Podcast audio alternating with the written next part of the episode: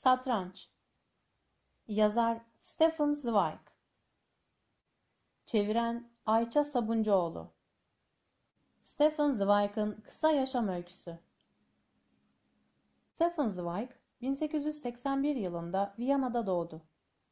Avusturya, Fransa ve Almanya'da öğrenim gördü.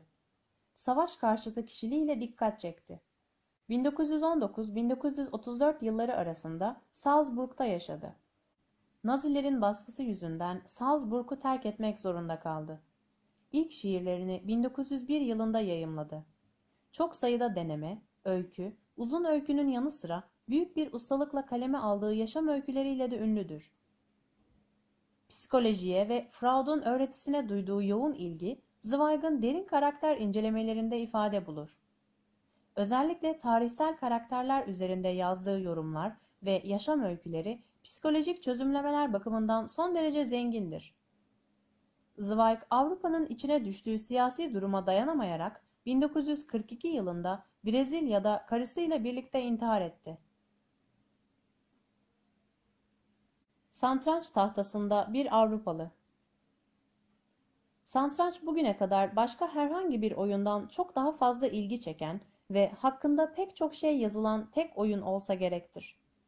Bu konudaki ilk yapıtların 11. ya da 12. yüzyıla dayanan ve satranca ilişkin problemlerin açıklandığı el yazmaları olduğu sanılmaktadır. Bu tarihten günümüze kadar satranca ilişkin literatür, problem açıklamaları ya da problem derlemeleriyle sınırlı değildir. Edebiyatın da ilgi alanına giren bir motiftir satranç. Bu açıdan ele alındığında pek çok ünlü yazarın yapıtının da konusudur.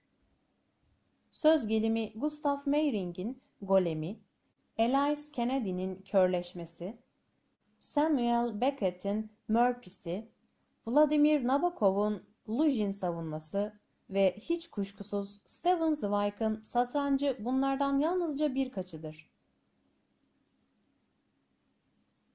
Bununla birlikte biraz daha yakından bakıldığında Zweig'ın 1938-1941 arasında sürgün yaşamındaki son durağı Brezilya'da yazdığı ve 1942'de Buenos Aires'te yayınladığı satranç, simgeselliği ve çok boyutluluğuyla bunların arasından kendiliğinden sıyrılır.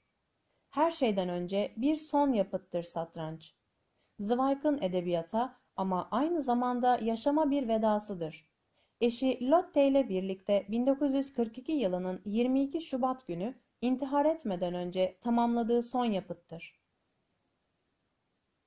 Yapıt gerilim düzeyi gittikçe artan yapısıyla bile bir dram olma özelliğini taşır. Bu gerilim yazarın ustası olduğu yazınsal bir tür olarak uzun öykünün en önemli niteliğini yansıtsa da satranç söz konusu olduğunda aslında kaynağını bambaşka bir yerde bulur ve Nazi döneminde Zweig'ın politik tavrı hakkında biraz da alelacele varılan bir karara karşı yazarın duruşunu yansıtır. Bu tepki özellikle de sürgündeki çağdaşları tarafından Nazi rejimine karşı net bir politik tavır almamakla, hatta kimilerince işbirlikçi olmakla suçlanan Stefan Zweig'ın yapıtlarında da sık sık karşımıza çıkan, şeylere ve olaylara mesafeyle yaklaşan gözlem alışkanlığından ileri gelir. Gerçekten de gözle görülür, eylemlilikle ölçülebilir bir direniş değildir Zweig'ın direnişi. Daha çok örtük bir direniş olarak tanımlanabilir. Dolayısıyla Zweig'ın duruşu aslında birbirine karşıt iki kutup arasında yer alır. Bir yanda yalnızca Almanya'da değil, dünyanın dört bir yanında kitlesel kıyımlarıyla Nazi rejimi yer alırken, öte yanda sürgünde var olabilmeye ilişkin korku ve kuşkular vardır. Büyük bir uçurumdur bu ve belki de Zweig'ın yaşamını ve yapıtlarını belirleyen tam olarak budur. 1900'lü yılların başından itibaren Avrupa'nın her köşesine yaptığı seyahatlerin yanı sıra Rainer Maria Rilke, August Rodin, Romain Rolland, Paul Verlaine ve daha pek çoklarıyla kurduğu dostluklar, Zweig'ın Avrupalılık bilincini geliştiren en temel unsurlar olmuştur. Bununla birlikte Birinci Dünya Savaşı öncesinde bütün Avrupa'nın geleceğini belirleyen gerilim, Zweig'ın varoluşunda da kendine yer bulur. Zweig bir yanıyla vatansever bir tutum içindedir bu dönemde. bir yandan vatansever duyguların ağır bastığı yazılar yazarken ve daha savaş patlak verir vermez Savaş Bakanlığında çalışmak için gönüllü olurken özel yaşamında çok daha farklı bir tutum sergilemekte, ulusal coşkuyla hareket etmenin yarattığı kuşkularını dile getirmektedir. Bu kuşkular en çok dostlarına, özellikle de pasifist eğilimlerinde büyük rol oynayan Romain Rolland'a yazdığı mektuplarda ortaya çıkar.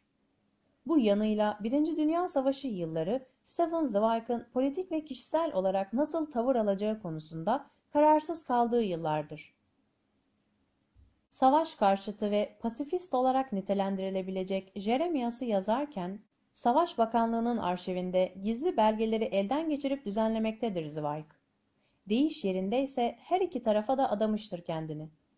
Vatanseverlik ile pasifizm arasında gidip gelen taraflardır bunlar. Savaş yılları boyunca Zweig'ın net bir tavır takındığı tek bir şey vardır. O da Yahudilik meselesidir. İnanç konularında katı bir eğitim almamış olmasına ve o dönemlerde özellikle revaçta olan Siyonist eğilimleri daha en başından reddetmesine rağmen Martin Buber'e yazdığı mektuplar son kertede onun Yahudi cemaatine aidiyetinin birer göstergesi olarak değerlendirilebilir. Oysa savaşın sonu bu durumu değiştirecektir. Bir nefretin çift taraflı ağırlığıyla yere serilmiş durumdayım. Savaşa neden olan Almanya'ya duyduğum nefret ve savaşın galibi olan Avusturya'daki Yahudilere duyduğum nefret diye yazar Aralık 1918'de Romain Rolland'a ve hemen ardından şöyle devam eder. Benim gibi insanları yok edecekler. Yaşamak için birazcık hava bile bırakmayacaklar. Peki nereye kaçmalı? Dünya bize kapılarını kapatacak. Bense yabancı ve düşman olarak hor görüleceğim bir devletin tutsaklığında yaşamayı istemiyorum. Bu öngörüsü doğru çıkacaktır. Bundan böyle Zweig, Hitler'in başa geçtiği 1933'e kadar düşünsel birliktelikte buluşan bir Avrupa ruhuna ilişkin konferanslarıyla uluslararası angajman yaratmaya çalışacaktır. 1933 yılının 27 Şubat'ı 28 Şubat'a bağlayan gecesi Reichstag yangınından kısa bir süre sonra konuştuğu yayıncısına kitaplarının artık Almanya'da yayınlanabileceğinden kuşku duyduğunu söyler. Sizin kitaplarınızı kim yasaklayabilir ki? Olur aldığı yanıt. Ne de olsa Almanya aleyhinde tek bir kelime bile yazmamış, politik sayılabilecek hiçbir davranışta bulunmamıştır. Oysa kitapları bundan yalnızca birkaç ay sonra 10 Mayıs 1933 tarihinde yakılanlar arasında yer alacaktır. Yine de bu tarihte bile Zweig'ın tutumu ikirciklidir.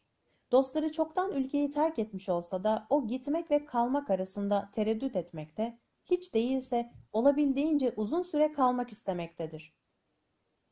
Böylece tercihini önce kalmaktan, sonra da mecburen gitmekten yana kullanır. Zweig'ın vedası satranç işte böyle bir gerilimden beslenir. Sözün bittiği yerdir satranç. Üstelik yalnızca Zweig için değil, yüzyıllardır kurduğu ve koruduğu değerleriyle bütün bir Avrupa içinde bu böyledir.